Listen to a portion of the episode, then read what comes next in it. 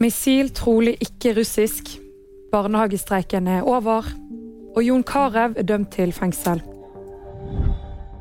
Det er ingenting som tyder på at eksplosjonen som tirsdag rammet en polsk landsby, var en villet handling, ifølge Nato. Militærekspert Per Erik Solli ved NUPI sier til VG at missilet som traff Polen, ikke kan skyte så langt at det kan ha vært et russisk angrep.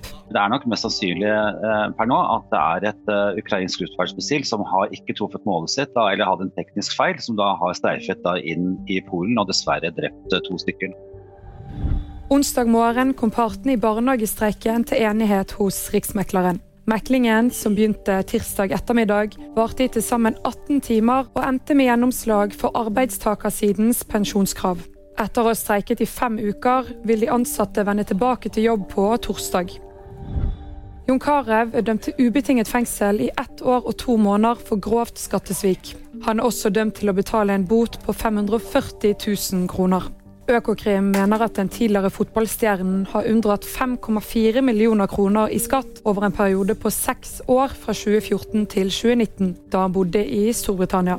Og VG nyheter fikk du av Hanne Sofie Andresen.